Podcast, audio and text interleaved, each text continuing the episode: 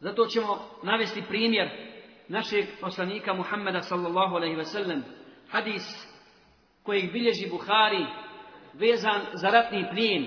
Dakle, najbolji primjer za nas jeste naš, naš poslanik koji nam je uzor, imam i putovođa do sudnjega dana. Hadis bilježi Buhari da je poslanik sallallahu alaihi ve sellem dijelio jednog dana ratni plijen. Pa je jedan od munafika ustao i kaže Ja Rasulallah ittaqillah. O Allaho poslaniće, boj se Allaha. Boj se Allaha u pogledu podjeli ratnog plijena. Dijeli pravedno. Pa kaže poslanica da teško tebi. Ako se ja ne bojim Allaha, pa ko se onda boji Allaha? Pogledajte, direktan napad na Islam. Jer napad na poslanika, i na njegovu čestitost jeste napad na islam. Ako se poslanik ne boji Allaha, pa ko se to boji Allaha? Pa Halid ibn Walid ustaje i kaže, ja Rasulallah, dozvoli mi da mu odrubim glavu. Dozvoli mi da mu osjećam glavu. Kaže poslanik, sallam, o Halide, nemoj, možda klanja. Možda čovjek klanja. Pogledajte namaz, namaz garancija za spas života i krvi. Možda klanja čovjek. Kaže, ja Rasulallah, koliko ima ljudi koji klanjaju, a u svojim dušama nose mržnju prema islamu. Pa kaže poslanik sellem, o Halide, ja nisam poslat da param ljudska prsa i da gledam šta je u da gledam šta je u njima. Pored takvih riječi, pored riječi, može se slobodno kazati kufra. Poslanik sa srlem Halda upozorava na jednu stvar, a to je da čovjek koji klanja nije tvoje da ulaziš u njegov nije. Nije tvoje da ulaziš, da, da otvaraš njegova prsa i da gledaš, niti to možeš, niti je to dozvoljeno bilo kome, to stanje u njegovim prsima sna samo gospodar gospodar svjetova. Zatim, slučaj Ebu Dandama, čovjeka kojega je spomenuo poslanik sallallahu alejhi ve sellem govoreći, govoreći ko od vas može biti kao Ebu Dandam? Pa su rekli, ja Rasulallah, ko je taj čovjek? Kaže, ni jedno jutro ne osvane, a da taj čovjek ne kaže, gospodaru, ja nemam imetka ja nemam novca da podijelim sadaku, ali, gospodaru, ti budi svjedok da svoju čast zalažem kao sadaku i opraštam onome kome uvrijedi, halalim onome kome ogibeti, ko o meni loše govori i tako dalje. Moja čast je, moja čast je kao, kao sadaka. Ili drugi hadis koji bilježi Bezar, da je poslanik sallallahu alejhi ve sellem posticao na sadaku, pa je ustao Umdej, čovjek po imenu Umdej ibn Zeid i kaže: "Ja Rasulallah, budi svjedok da ja svoju čast zalažem za kao sadaku, za onoga ko mi zulum učini, za onoga od muslimana, za onoga kome okleveta, kome ogovori i tako dalje." Pa je poslanik sele otišao od njega i došao je drugi dan i kaže: "Gdje je onaj? Gdje onaj čovjek svoj, što je svoju čast založio kao sadaku, kao ja sam, e, Allah je primio tvoju sadaku." Allah je, znaj da je Allah primio tvoju sadaku. Dakle, pogledajte, braćo, primjera opraštanja, primjera istinskih odnosa među muslimanima. Može li neko od nas ovdje prisutni? Kazati da liježe svaku noć čistih prsa odnosno na muslimana. Ja bih volio da možemo svi. A možda ne može niko od nas je ruku pa da kaže ja zaista svaku noć svaku noć liježem čistih prsa odnosno muslimane. Kad klanjam jačiju, moja su prsa Ne zanimam se ni, ni sa jednim muslimanom. Ne mislim o njemu loše. Ne mislim kako ću mu uzvratiti na onaj zulum čak ako mi je nanio zulum. Ako mi je učinio nepravdu. Ako me je ogibetio. Ako me je oklevetao kod drugi. Ne želim da mu uzvrati. Ne želim da mu uzvratim i molim Allaha da mu oprosti. Pogledajte, braćo i slučaja sljedeći Ka'b ibn Malik. Zna li od vas koji je bio Ka'b ibn Malik? Ashab Rasula sallallahu ve sellem koji je izostao iz koje bitke? Iz bitke na Tebuku. Jedan od trojice, jedan od trojice čiji je Allah dovu primio i koji će se spominjati po toj primljenoj taubi do sudnjega dana. Te ajete ćemo stalno učiti. I sure taube trojica koji su izostali, pa je Allah primio njiho, tobu. I kada je Resul sallallahu alaihi ve sellem došao na Tebuk i okupio ashabe, znao je kako je iskren hrabivni ibn Mali. Ali se čudio kad je vidio da ga nema. Nema ga. Pa kaže šta li je to spriječilo Kab ibn Malika da ne krene u pohod na Tebuk. I ustao jedan čovjek i kaže, ja Rasulallah, nije ga spriječilo ništa drugo, osim Dunjaluk, želja za Dunjalukom, njegova žena i njegova porodica, toga ga je spriječilo da neke krene sam. Pa ustaje mu ibn Džabel i kaže, bit se ma kult. Kako je loše to što govoriš. Wallahi ma na'lamu illa hajra. vallahi mi o njemu ne znamo ništa osim dobro. Ustaje i brani brata. Nema ga, nije prisutan tu. Nije prisutan, o njemu se loše govori.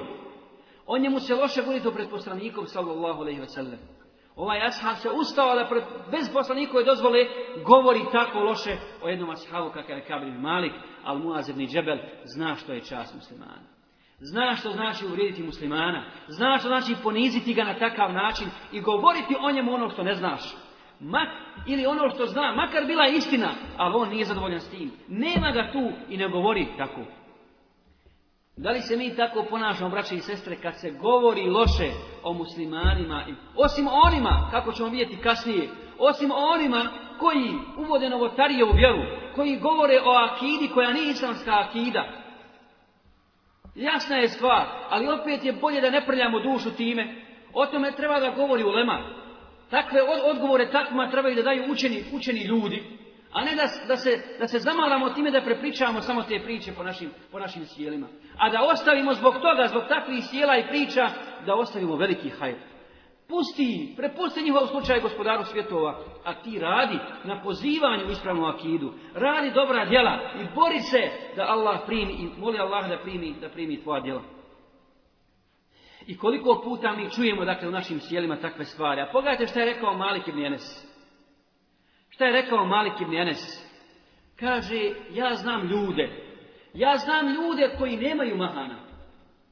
Nemaju loše osobine one koje mi vidimo, vidljivi. Ne čine velike grijehe, ne čine velike prijestupe, ali pričaju o mahanama drugih ljudi. Pa Allah da da ovi ljudi izmisle njima mahane da bi pričali o njima. Nema mahana, spominje mahane drugih ljudi i onda izmisle ljudi da bi pričali o njima. Da bi se, I ti se onda brani. Ti se onda brani, izmišljeno, takav si, gotovo. I brani se je, jesi li nisi. A također znam ljude koji su puni mahana. Ali ne pričaju o mahanama drugih ljudi. I Allah pokrije njihove mahane, niko o njima ne priča. Niko o njima ne priča. Dakle, pogledajte jedna dobra, jedna loša osobina kod ovog prvog. Ali ova loša osobina uništava u prvu dobru. I ljudi ti izmisle, izmisle mahane od tebi. A ovaj drugi ima mahane, ali on se s njima bori, mi ne znamo. Pokušao da, se, da ih riješi, moli Allah da mu oprosti, da ga spasi, da ga izvede na pravi put.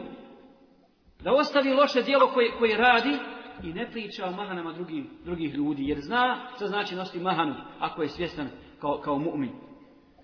Ili sljedeći slučaj, kada je čovjek došao Ahmed ibn Hanbelu, nakon što je kažnjen, što je bićevan, zbog toga što nije htio da pristane, da kaže riječi koje nisu od Islama, i tražio da mu oprosti, da mu halali, samo zbog toga što je bio prisutan kad su ga bićevali. Nije učstvo u tome. Pa kaže Ahmed ibn Hanbel, slušaj brate, ja sam oprostio svima i onima koji su me tukli i koji su me po zlu spominjali i koji su mi zulum nanijeli, a li tebi. Osim novotarima, osim novotarima koji su ubacili ovu fitnu među muslimane, dakle njima, ko sam ja da ja njim oprostim? Ko sam ja da ja oprostim onima koji su kazali da je Kur'an stvoren, a da nije vječni Allahov, nestvoreni Allahov Bog. Da to nije jedno od Allahovih uzvišenih svojstava. Dakle, njima nikada neću oprostiti. Oprostio sam kada je čak i Ebu Ishaku. A znate ko je Ebu Ishak? Halifa Mu'tasim koji ga je mučio i koji ga je bićao. Oprostio sam čak i njemu. Jer kaže uzvišeni vali jasfahu, ala juhibbuna, ala juhibbuna, يَغْفِرَ Allah, ala تُحِبُّونَ en Allahu lakum. Zato neka oni oprosti, neka pređu preko grešaka, zar ne želite da Allah vam oprosti? Zar ne želite da Allah vam oprosti? Sljedeći primjer jeste primjer imama Makadisija koji bilježi dakle ovaj slučaj i prenosi od, od eh, Abdullaha Šurejha koji kaže da je bio kod Ahmeda ibn Hanbala da se zatekao poslije te fitne kod njega i prenoćio je kod njega i ovaj je plakao u namazu učio je i plakao tako dugo da je, kad je završio namaz upitao ga je ovaj zbog čega si toliko plakao? Zbog čega si toliko plakao u namazu? Otkud te suze? Šta je uzrok tvojim suzama? Kaže Ahmed ibn Hanbel, Wallahi, sjetio sam se udara sa mu'tesima. Sjetio sam se udara sa tesima u namazu i na pale su mi riječi Allaha Đalešanuhu nifliha fa سَيِّئَةٌ afa wa aslaha fa ajruhu ala Allah nagrada za loše djelo ili kazna za loše djelo je slično onome što je, urađeno. A onaj ko oprosti i pređe preko urede, pa njegova nagrada je kod Allaha Đelešanu. Pa kaže i kad sam učinio seđdu, oprostio sam mu tasim.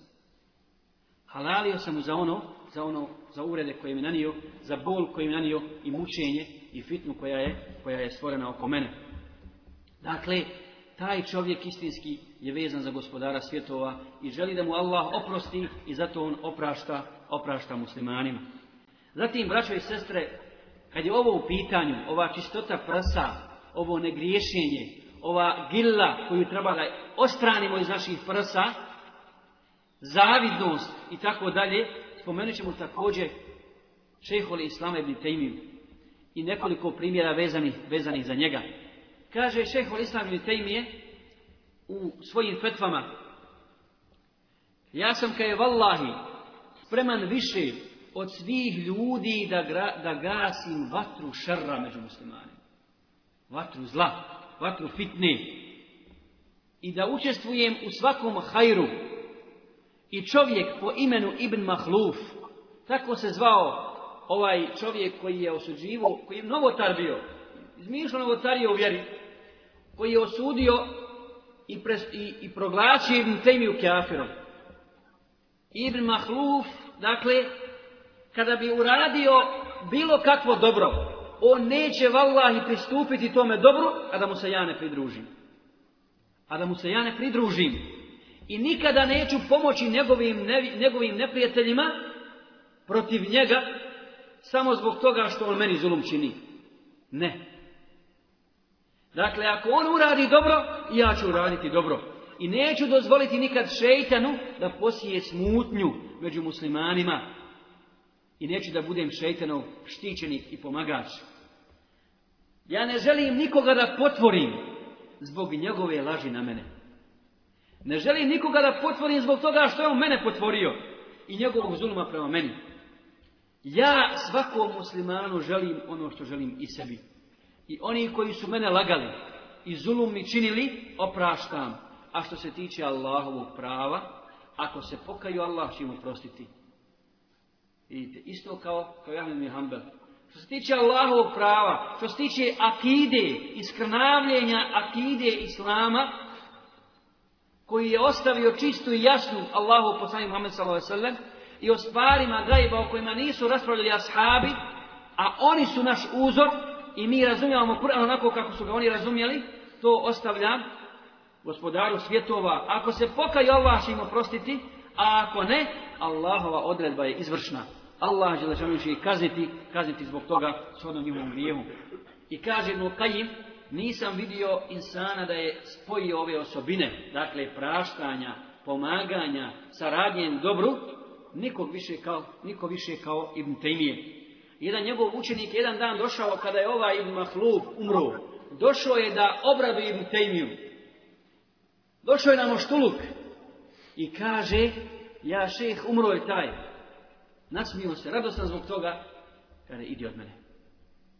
I otišao je kući tog čovjeka. Pokucao na vrata, nazvao selam i kaže, izrazio je saučešće na islamski način i kaže, znajte da sam vam ja danas umjesto njega. Što vam god zatreba, slobodno se obratite meni. Bilo kakva pomoć, bilo kakvu potrebu da imate, ja vam stojim na raspolaganju.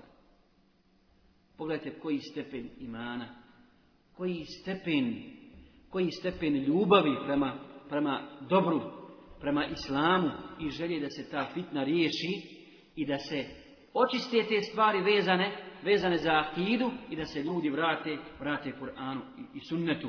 Jer braćo i sestre, smirenost, sreća, rahatluk i postojanost, postojanost u dunjalučkom životu ne mogu se postići bez čistoće prsa u odnosu na muslimane.